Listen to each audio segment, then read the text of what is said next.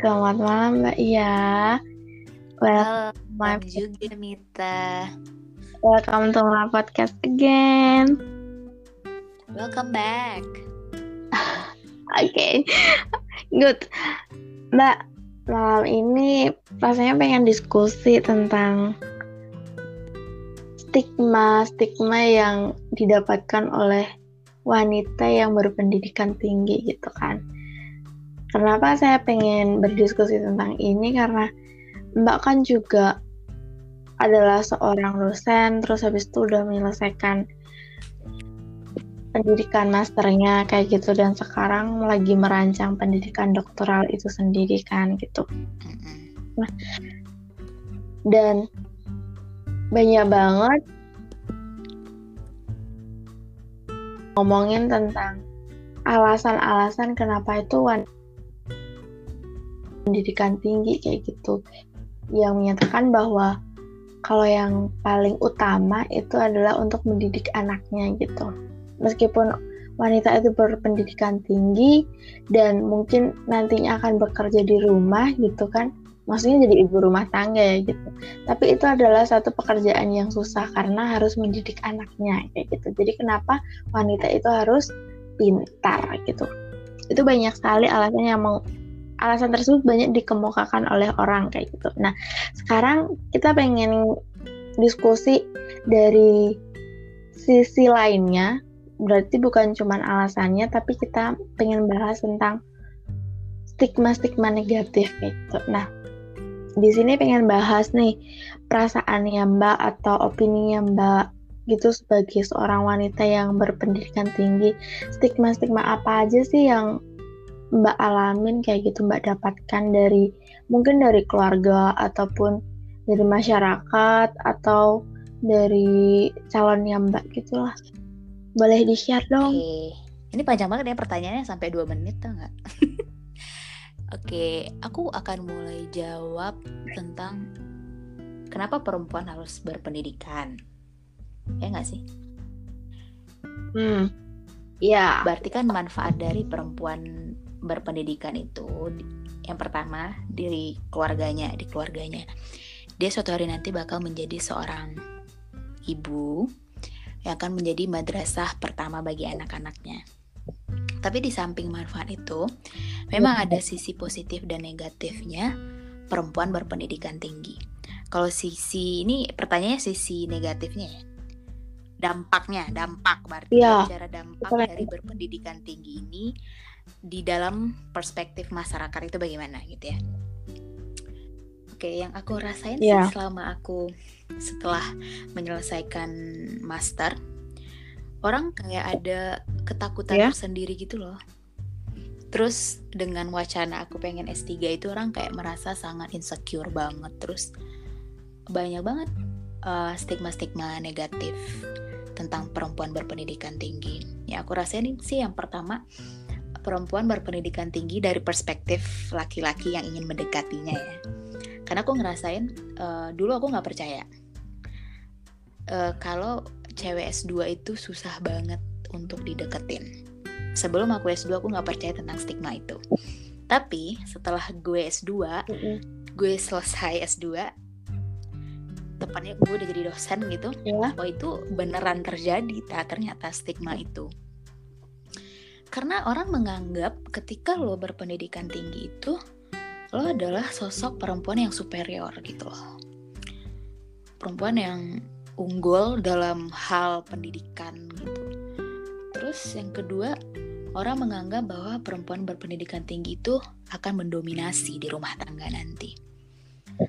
Terus yang ketiga, ada juga anggapan bahwa perempuan berpendidikan tinggi itu terlalu kritis dalam menghadapi dalam menghadapi suatu persoalan, banyak pendapat, banyak perdebatan. Dan yang keempat unreachable. Susah di, dijangkau gitu loh. Nah, stigma-stigma yang seperti itu yang seharusnya nggak ada sih menurut aku. Karena itu adalah stigma negatif yang membentuk kesalahan perempuan berpendidikan tinggi. Kita merasa bersalah loh terhadap diri kita sendiri kenapa sih gue harus ngambil S2 sampai orang tuh memiliki pikiran stigma negatif kayak gini sama gue padahal gue belum tentu. Belum tentu menjadi empat kriteria yang dia sebutin itu gitu. Nah itu kebanyakan laki-laki takut dengan empat hal itu sih menurut aku yang pertama mengira adalah perempuan itu superior, yang kedua mengira terlalu mendominasi, sedangkan pemimpin dalam rumah tangga itu kan laki-laki. Dan yang ketiga terlalu banyak pendapat kritis nanti takutnya perdebatan dan ujungnya adalah sebuah pertengkaran. Dan yang keempat adalah unreachable gitu. Unreachable dalam artian si cowok ini mungkin memiliki tingkat pendidikan yang lebih rendah daripada wanita ini. Anggaplah umumnya wanitanya S2, cowoknya D3 gitu sebenarnya kalau dalam perspektif saya pribadi itu nggak masalah loh sama sekali. Masalah pendidikan itu tidak sama sekali bermasalah untuk membangun sebuah hubungan atau lebih jauh sebuah rumah tangga. Yang paling penting itu adalah satu visi misi kehidupan kita dan kita saling menghargai aja satu sama lain gitu. Dan pendidikan tuh it doesn't matter at all. Oke? okay? Oke, jadi poinnya yang pertama ditinjau dari si calonnya gitu ya Mbak, maksudnya calon suami atau pendapat laki-laki gitu. Yang mau mendekati Mbak itu jadi membuat mereka insecure, tapi di lain sisi itu juga membuat Mbak insecure gitu karena merasa tadi Mbak nyebutin blame bahwa Mbak merasa jadi kayak, kayak merasa myself kayak menyalahkan oh. diri gue. Kenapa? Gue harus S2 sih. Kenapa gue nggak S1 aja? Kayaknya orang nggak akan berpikiran seperti itu gitu. Oh iya bener banget. Jadi kayak apa ya stigmanya orang kalau cewek itu semakin tinggi pendidikannya itu semakin nggak laku kayak gitu kan ada guyonan seperti itu. Sedangkan kalau laki-laki semakin tinggi pendidikannya itu ngaku kayak gitu. Jadi ini kayak aduh bahas nanti tentang gender ya. Kayak gini loh. Ini mau buat insecure sendiri ya kayak, kayak cewek berpendidikan tinggi tuh oh nggak laku ya. Itu itu itu kayak bullying banget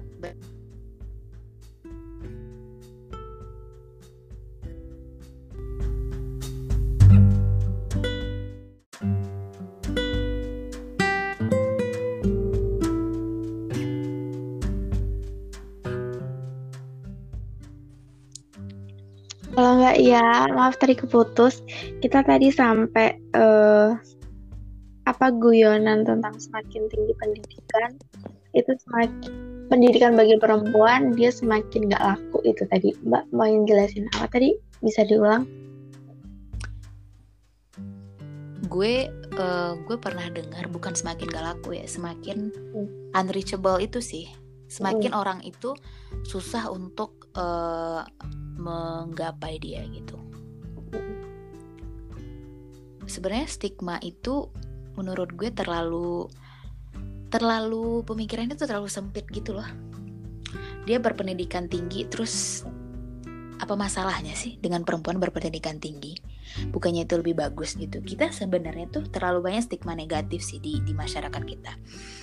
Makanya kita harus merubah stigma negatif itu melihat dari sisi positifnya. Kenapa sih selama ini lebih banyak yang mengarahnya ke negatif gitu? Kenapa selama ini kita nggak pernah menganggap bahwa perempuan yang berpendidikan tinggi itu adalah seorang perempuan yang passionate gitu? Benar-benar perempuan yang memiliki passion dalam bidang pendidikan gitu. Dia pengen urusannya itu dengan sungguh-sungguh gitu.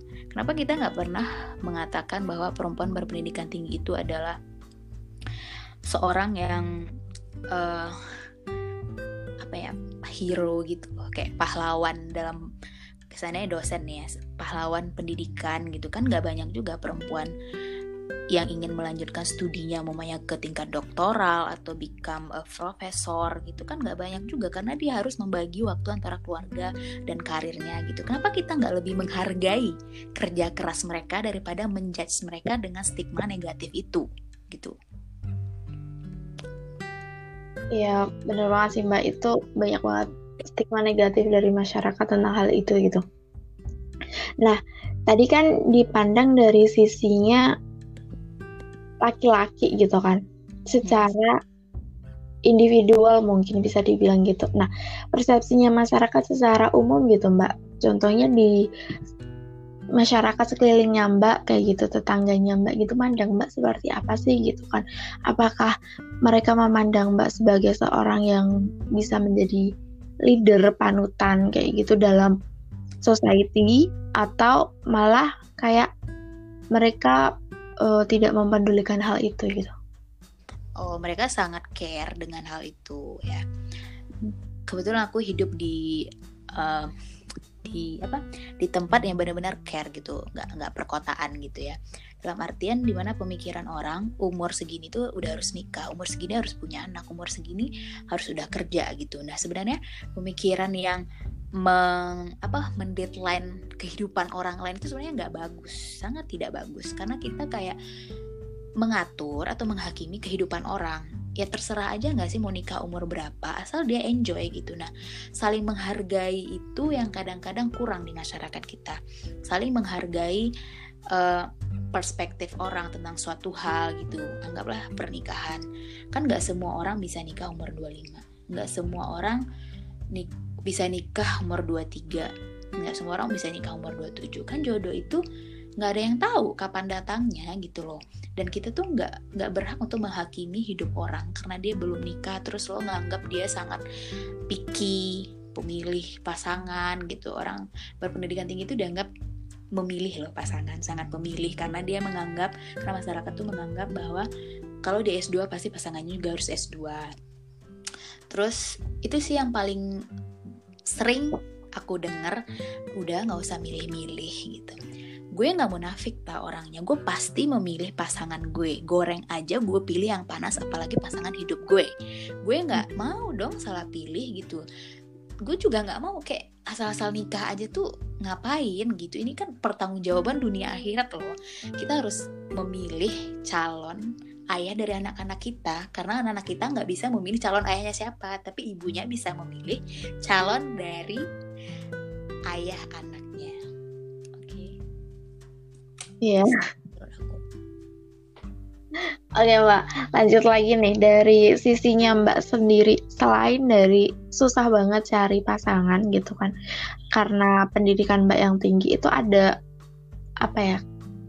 Mbak merasa ada kekurangan lagi nggak karena Mbak udah mengambil S2 ini? Aku sih uh, dengan keadaan yang sekarang itu gue udah mulai enjoy lah gitu. Berdamai dengan diri sendiri berdamai dengan keadaan gitu. Gue bukannya nggak nggak mau nikah tuh bukan nggak mau nikah ya. Gue sudah melewati fase yang panjang. Cuman itu nggak orang lain tuh nggak mungkin tahu kalau nggak gue kasih tahu gitu. Dan orang lain nggak juga nggak perlu tahu tentang perjalanan cinta gue yang up and down gitu. Gue bukan hanya mengejar karir aja sih enggak gitu. Gue sebenarnya mau itu itu beriringan. Tapi kan takdir Tuhan berkata lain. Nggak semuanya bisa kita capai dalam waktu yang bersamaan gitu. Karir kamu hmm. bagus langsung dapat jodoh itu nggak semua orang bisa kayak gitu. Nah gue selalu berpikir Allah itu adil. Mungkin saat ini gue masih diberikan kesempatan untuk memperbaiki diri atau masih diberikan kesempatan untuk mewujudkan cita-cita gue. Dan gue rasa Allah itu adil karena Allah itu ngasih gue kesempatan untuk mewujudkan cita-cita gue untuk berkarir dulu, memperbaiki dulu, mungkin baru nanti ketemu pasangan di waktu yang tepat gitu.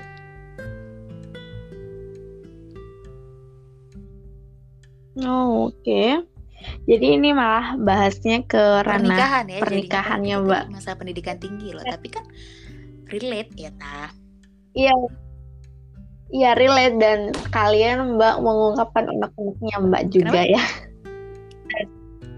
Sekalian Mbak mengungkapkan unek-uneknya iya. Mbak gitu dan ini dan itu menurut aku, menurut aku bukan cuma aku dan orang hmm. yang wanita-wanita khususnya tamatan S2 pasti ngalamin itu. Yakin deh.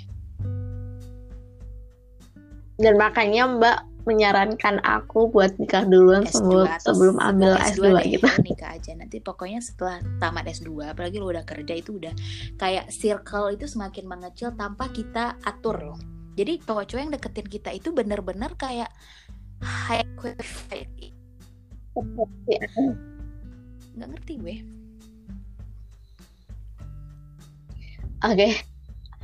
um, mbak tapi saya kayak pernah dengar perbincangan seperti ini gitu ketika wanita itu berpendidikannya tinggi ya kita nggak salah buat memilih calon kita gitu seperti yang mbak ungkapkan tadi gitu.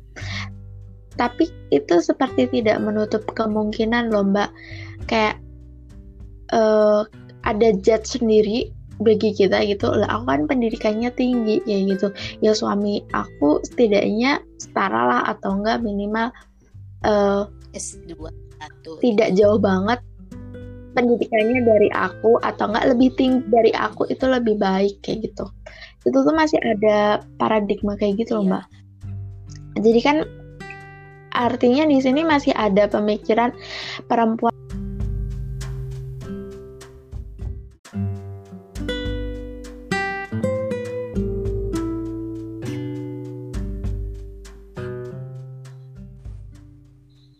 Oke Mbak, kita lanjut ya. Jadi yang Mbak titik beratkan di sini tadi kan memilih Mbak, itu harus memilih. Menitik beratkan adalah pemilihan gitu kan. Dan di sini juga sepertinya saya bisa lah menggarisbawahi bahwa dalam bidang pendidikan itu tuh nggak cuma dihitung dari stratanya atau tingkat pendidikannya secara formal, tapi juga dilihat dari pengetahuannya dalam agama karena dalam agama kita sendiri juga menekankan yang paling utama itu adalah agamanya kayak gitu. Nah, pertanyaan selanjutnya nih Mbak, gimana kalau selan calon suaminya Mbak nanti itu agamanya bagus, tetapi secara pendidikan formal itu masih di bawah Mbak kayak gitu. Bagaimana menyikapi hal tersebut? Ya itu nggak masalah, karena aku di awal memilih dalam tanda kutip di sini bukan masalah pendidikan. aku nggak pernah menaruh uh, menaruh kriteria pendidikan itu sebagai kriteria pasangan aku. Karena pendidikan itu bukanlah uh, patokan sebuah kebahagiaan menurut aku. Aku S2, aku harus nikah sama S2, nggak gitu ceritanya. Kan di dalam kehidupan rumah tangga nanti banyak hal yang harus kita lalui. Ya, yang pertama agamanya ya kan? Ya dia insya Allah bisa membimbing saya dalam hal agama menjadi lebih baik lagi gitu. Kedua tanggung jawabnya akhlaknya bagaimana kayak gitu. Dan yang ketiga uh, apa ya kecocokan visi misi kehidupan kita sih kalau visi misi kehidupan aja kita udah nggak cocok lalu kenapa kita harus memaksakan suatu hubungan gitu loh. Hmm. nah kebanyakan orang mundur itu ya gara-gara pendidikan apalagi laki-laki merasakan rasa maskulinitasnya akan terbunuh ketika dia mencintai wanita yang lebih tinggi dari dia pendidikannya gitu. Itu sebenarnya perspektif yang salah menurut saya itu itu.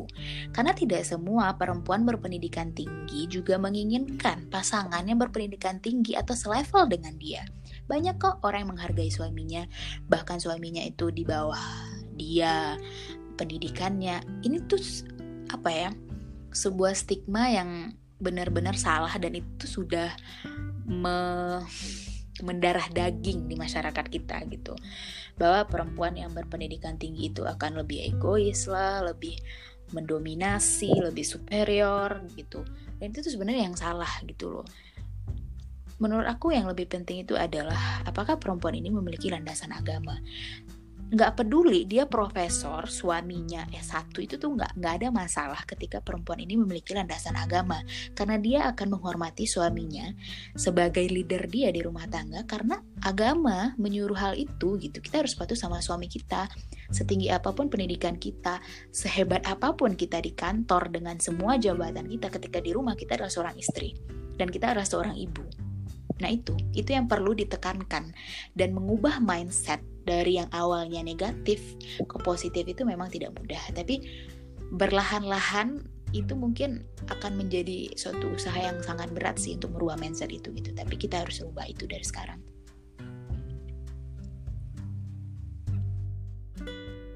Iya, oke. Okay.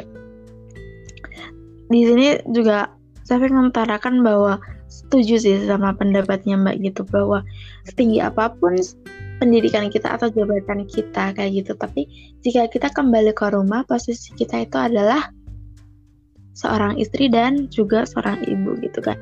Meskipun belum mengalami gitu kan mungkin kita bisa diskusi tentang hal ini lain waktu lagi gitu kan.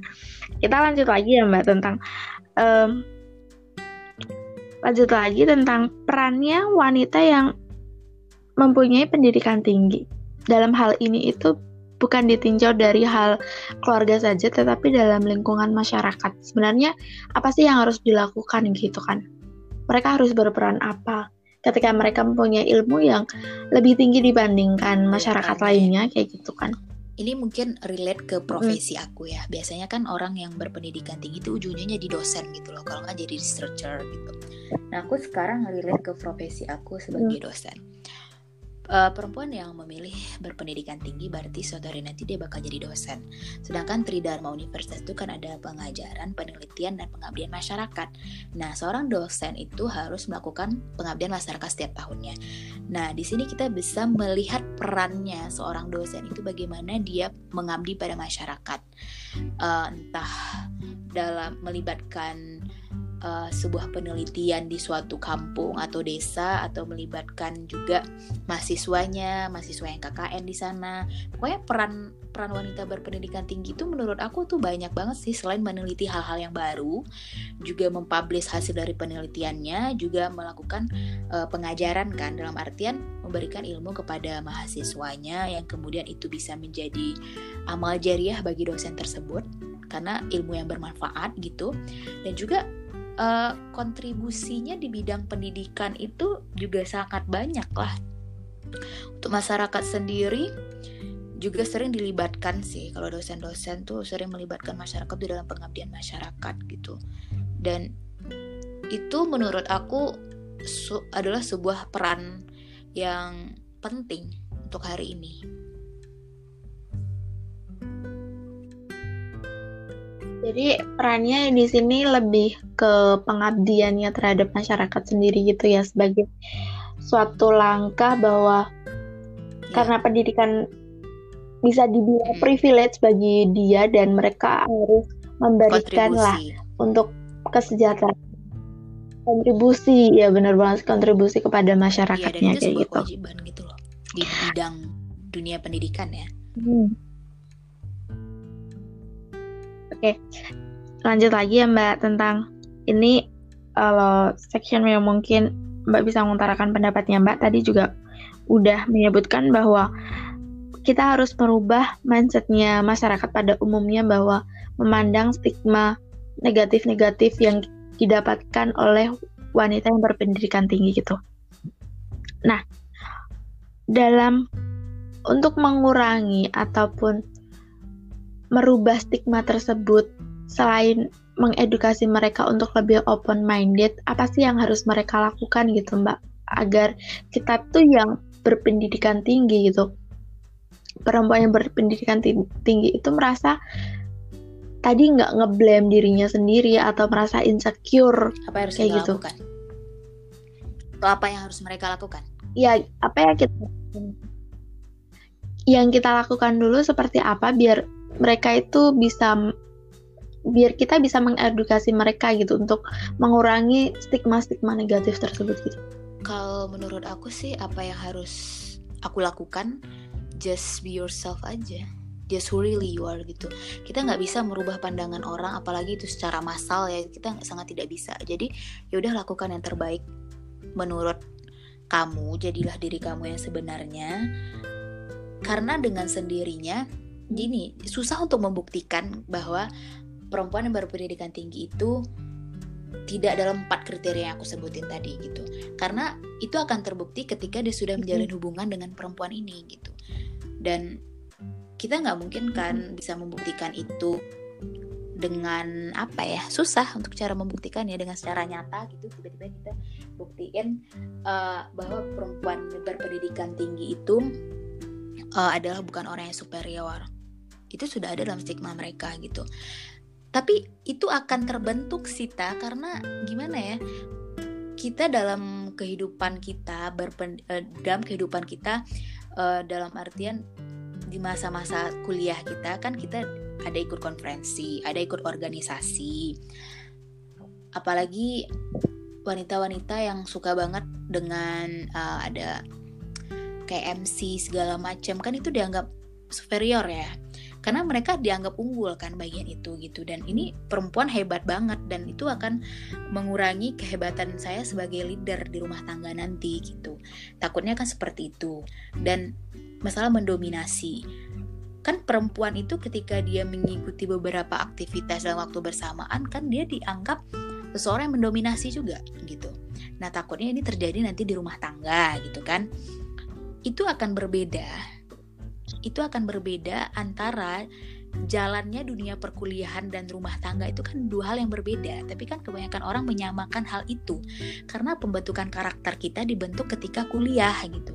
Ketika kita dalam masa pendidikan gitu. Memang iya pola pikir kita akan dibentuk ketika kita uh, dalam proses pendidikan gitu. Secara kita belajar ilmu yang baru kita bersosialisasi dengan orang orang lain dengan ikut organisasi, ikut konferensi segala macam, seminar gitu. Itu akan merubah pola pikir kita menjadi lebih maju. Sedangkan orang yang berpikir uh, mundur atau konser dia tidak akan bisa menerima kemajuan-kemajuan itu gitu. Kecuali kita hidup bareng sama dia, kita bisa uh, menularkan vibe aura positif kita ke dia gitu dan ternyata uh, pemikiran kamu selama ini tentang wanita berpendidikan tinggi itu salah loh. Aku bukan wanita seperti itu loh gitu. Meskipun aku memang dibentuk karakter dan pendidikannya dengan orang modern, tapi dengan kamu yang berpikir konservatif seperti ini akan ketularan modern juga ketika kita hidup bersama dia gitu. Jadi sulit sebenarnya untuk dibuktikan secara nyata kecuali kita hidup sama dia gitu. Karena kita nggak mungkin uh, bikin seminar terus terus menyatakan bahwa kita bukan orang-orang seperti itu gitu. Tapi melalui podcast sih kayaknya bisa kalau dia dengar ya. Kalau orang-orang ini dengar gitu mungkin kan bisa membuka mata hatinya bahwa oh ternyata nggak semua perempuan berpendidikan tinggi itu seperti itu kok gitu.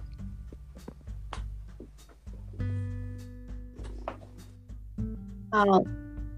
Jadi dalam hal ini tuh kita susah banget untuk merubah pandangan orang karena mereka itu punya opini dan persepsinya masing-masing kayak gitu tentang berbagai hal gitu. Terutama dalam hal ini tuh orang yang ber, wanita yang berpendidikan tinggi gitu. Jadi yang bisa kita lakukan adalah menjadi diri kita sendiri aja dan berusaha untuk uh, ya menjadi yang terbaik aja buat diri kita gitu kan. Bukan buat calon pasangan kita ataupun orang lain gitu. Oke Mbak, uh, mungkin kita lanjut aja ya. Ini langsung dua ke karir kayak gitu kan. Segmen, ya. Iya boleh kayak gitu. Karena ini berhubungan banget dan relate kayak gitu. Jadi susah buat misah juga sih menurut aku tuh. Jadi aku gabung aja sekalian ya. Karena tadi Mbak udah mengutarakan unek-uneknya kayak gitu tentang stigma negatif yang Mbak dapatkan karena berpendidikan tinggi dan akhirnya Mbak menitih karir di mana karirnya Mbak itu dibilang juga ya prestisius kayak gitu bagi seorang wanita karena masih jarang proporsinya masih sedikit dosen wanita daripada dosen laki-laki gitu. Nah, di sini lanjut lagi ya Mbak. Apa sih rintangan atau hal-hal yang stigma negatif yang Mbak dapatkan gitu selain tadi uh, yang wanita yang mendominasi dan superior kayak gitu. Apa sih yang Mbak dapatkan karena Mbak berkarir sebagai so, seorang dosen gitu? Nah ini semakin komplit lagi ta, semakin komplit hmm. lagi. Sudahlah berpendidikan tinggi, berkarir pula kan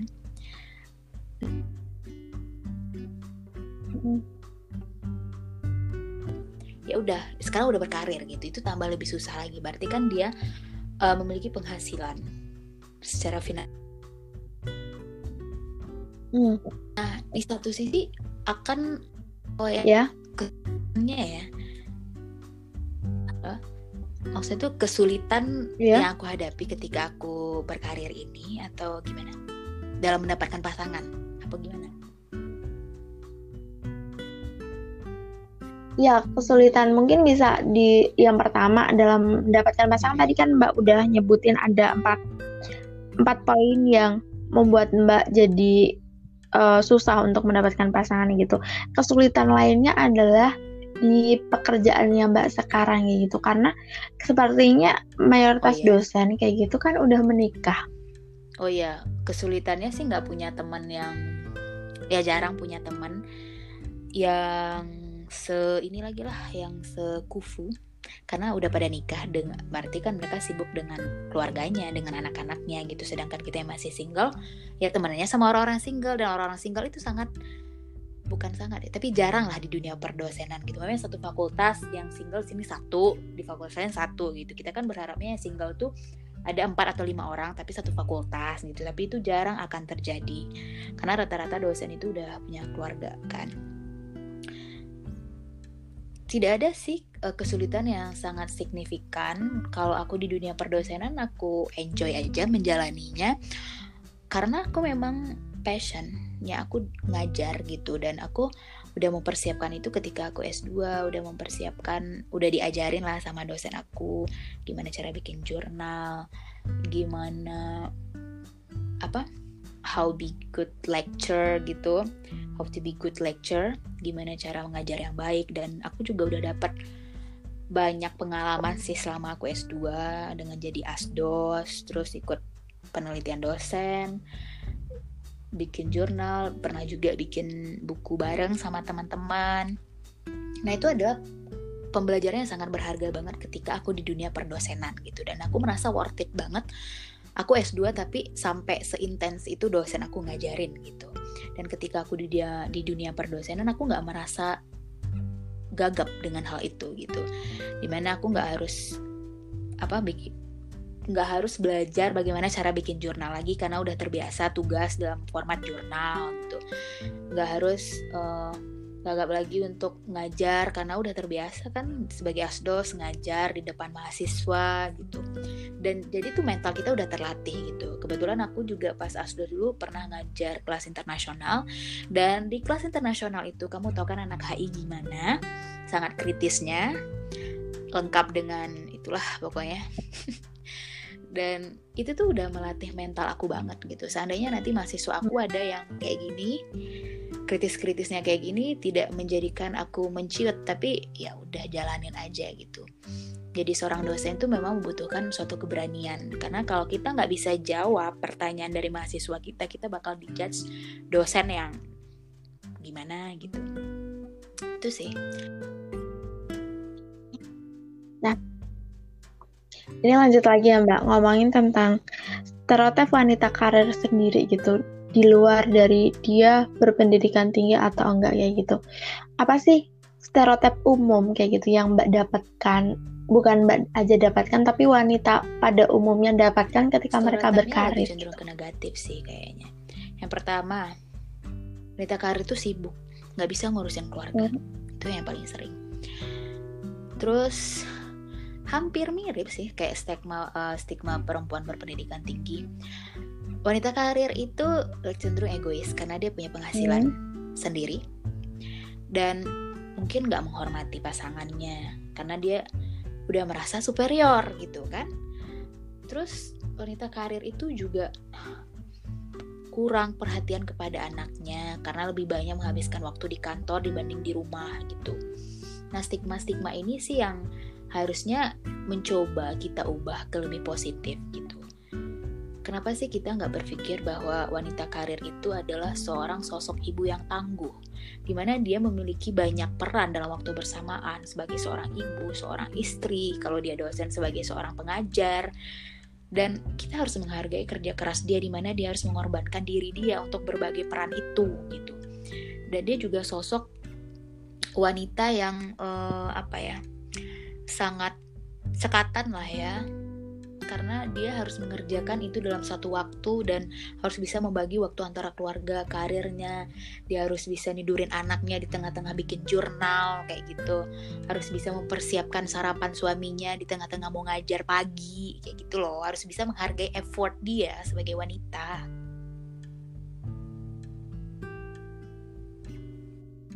Oke. Nah, ini Mbak untuk tadi lanjut lagi sama kayak pertanyaan sebelumnya, tapi mungkin beda jawabannya. Tadi Mbak nyebutkan bahwa stereotipnya wanita karir itu adalah sibuk, egois, tidak menghormati pasangan, terus habis itu kurang perhatian kepada anaknya, terus untuk apa ya? Uh, jadi pembelajaran sih bagi perempuan lainnya kayak gitu terutama saya pada nantinya itu gimana sih biar saya tuh nggak terkesan sibuk gitu. Jadi apa yang harus saya perbaiki ke depannya kayak gitu. Terus biar saya nggak jadi egois gitu. Jadi apa yang harus saya persiapkan kayak gitu. Atau diperbaiki ketika saya udah berkarir. Memilih profesi. Itu adalah salah satu cara kita untuk uh, mengurangi kesibukan. Kalau aku sih kan sekarang profesi aku dosen dosen itu lebih cenderung waktunya lebih hmm. fleksibel dibandingkan kerja kantoran yang dari pagi sampai sore gitu. Kenapa aku mau milih dosen? Aku ngerasa aku adalah di pilihan yang tepat sampai hari ini. Kenapa aku milih dosen? Dulu aku nggak pengen jadi dosen. Waktu aku masih kayak kuliah S1 gue nggak pengen jadi dosen karena dosen tuh membosankan menurut gue harus ngulangi materi itu aja terus kan. Terus setelah aku mulai dewasa, terus tamat S2, terus kayak dosen tuh kayaknya the best choice deh buat gue gitu walaupun sebenarnya aku tuh nggak suka pekerjaan yang monoton gitu kan dosen rada monoton tapi setelah aku terjun ke dunia perdosenan ternyata dosen tuh nggak semonoton itu banyak hal yang di belakang layar yang mahasiswa nggak tahu gitu dan dan aku tuh baru tahu setelah aku di, jadi dosen gitu. Nah, jadi dosen tuh kan ada beberapa pilihan. Dosen tuh sebenarnya karir oriented banget lah. Karena kita punya tujuan akhir adalah seorang profesor gitu. Nah, kalau kita kita tuh ada pilihan. Kamu mau jadi dosen yang biasa-biasa aja, mau dosen yang luar biasa, mau dosen yang uh, apa ya, yang menengah lah ibaratnya luar biasa ya juga biasa-biasa juga gitu jadi ada pilihan ketika kamu jadi dosen biasa-biasa aja ya udah kamu ngajar kamu punya banyak waktu untuk jemput anak kamu sekolah nganterin anak kamu sekolah tapi ketika kamu menjadi dosen yang luar biasa kamu benar-benar harus totally uh, effortnya itu sungguh susah gitu loh luar biasa. Bikin buku bikin jurnal ikut konferensi ikut penelitian ikut pengabdian. Semuanya yang ada kesempatan yang disediakan di dunia perdosenan itu semuanya kamu ambil. Kamu bakal jadi seorang yang hebat di dunia perdosenan. Tapi keluarga kamu bentakan gitu.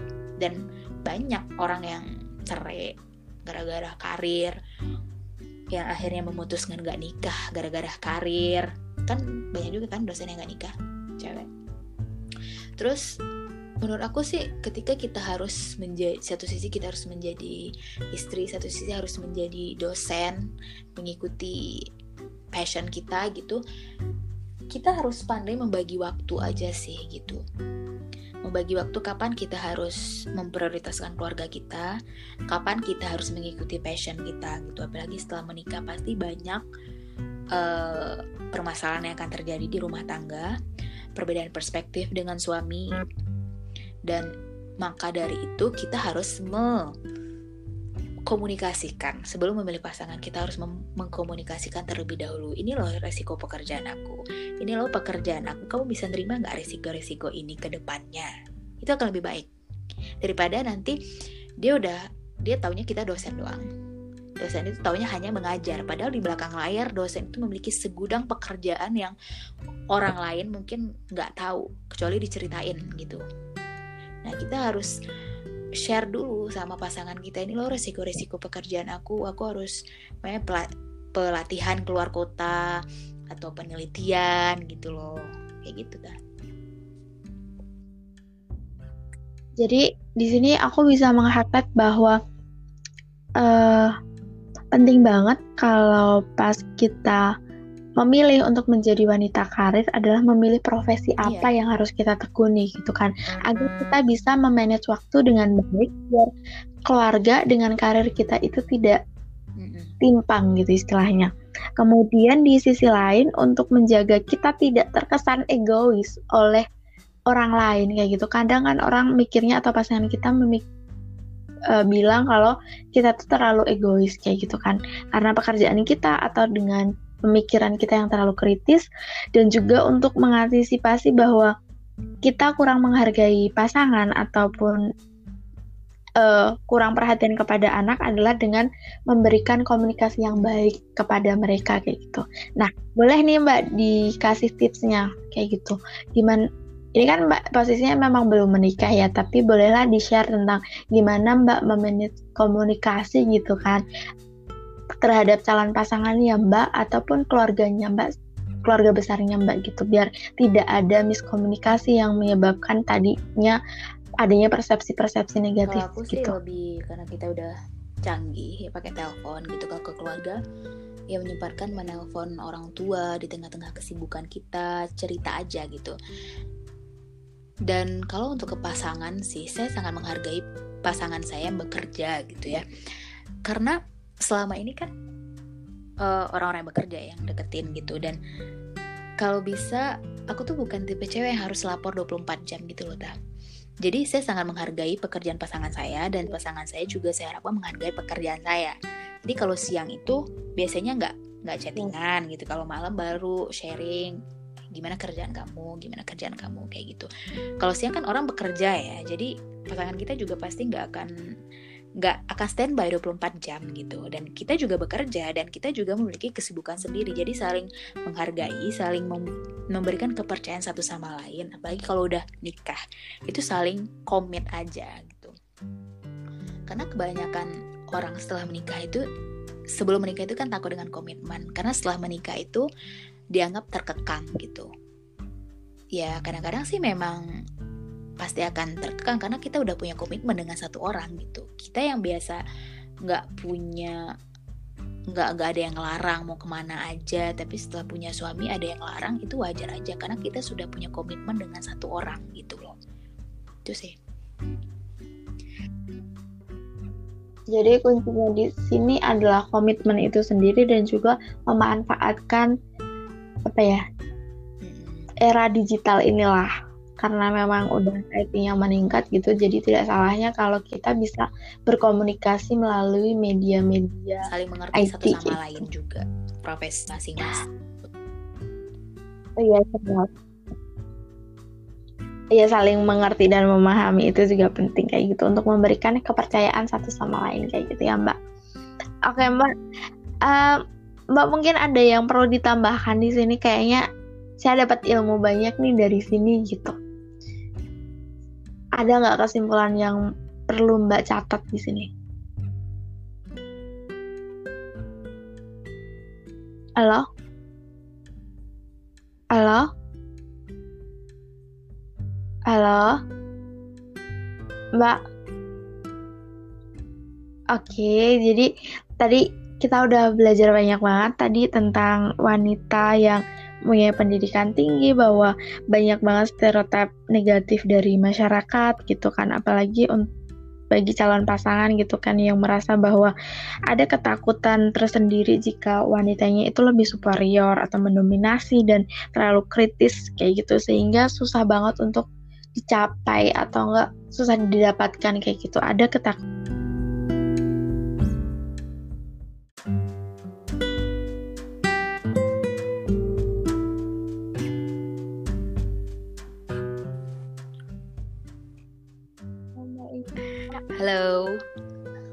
tadi keputus jadi sebelum kita menutup diskusi kita gitu adalah closing statement dari Mbak Oke, closing statement dari aku sih buat cowok-cowok hari ini yang dengerin podcast para spot malam ini tentang wanita karir dan berpendidikan tinggi. Jangan pernah takut untuk mendekati wanita yang berpendidikan tinggi apalagi berkarir. Karena stigma-stigma di masyarakat itu belum tentu benar adanya. Kamu harus membuktikan bahwa wanita itu tidak seperti yang kamu pikirkan. Maka daripada itu, tetap berjuang ya, karena biasanya sih emang susah juga dideketin gitu ya. Tapi uh, perjuangan itu akan berbuah manis kok gitu dan nggak semua yang kamu pikirkan itu benar adanya. Dan don't judge the book by the cover, but read more. Oke. Okay? Oke. Okay. Makasih Mbak Ia yang udah memberikan closing statementnya dan kita juga udah belajar belajar lah tentang gimana kita menghadapi stereotip-stereotip itu gitu kan. Mungkin ada stereotip yang membuat kerugian ke kita seperti adanya ketakutan superi superioritas habis itu dominasi kayak gitu yang mungkin membuat orang itu insecure gitu kan istilahnya dan di sini juga stereotip wanita karir yang mungkin yang tadi aku belajar gitu dari Mbak bahwa kita tuh harus benar-benar memilih profesi yang perlu kita tekuni nggak cuman passion aja tapi gimana kita bisa di profesi tersebut kita bisa membagi waktu antara keluarga sama karir kita gitu. Dan untuk meminimalisir stereotip-stereotip negatif yang didapatkan oleh wanita karir kita juga bisa mengembangkan bahwa kita harus belajar manajemen waktu terus kemudian membangun komunikasi yang baik agar apa ya istilahnya harmonitas dalam harmonisasi pasangan kita itu terjadi adanya jadi harmonisasi ya dalam harmonisasi lingkungan kita gitu kan bisa berjalan dengan baik juga gitu sehingga meminimalisir masalah-masalah yang tidak penting gitu. Makasih Mbak atas diskusinya. Mungkin kita okay. bisa diskusi lagi dengan tema yang lain gitu kan jangan bosen gitu. Oke, okay, see you next time. Bye bye.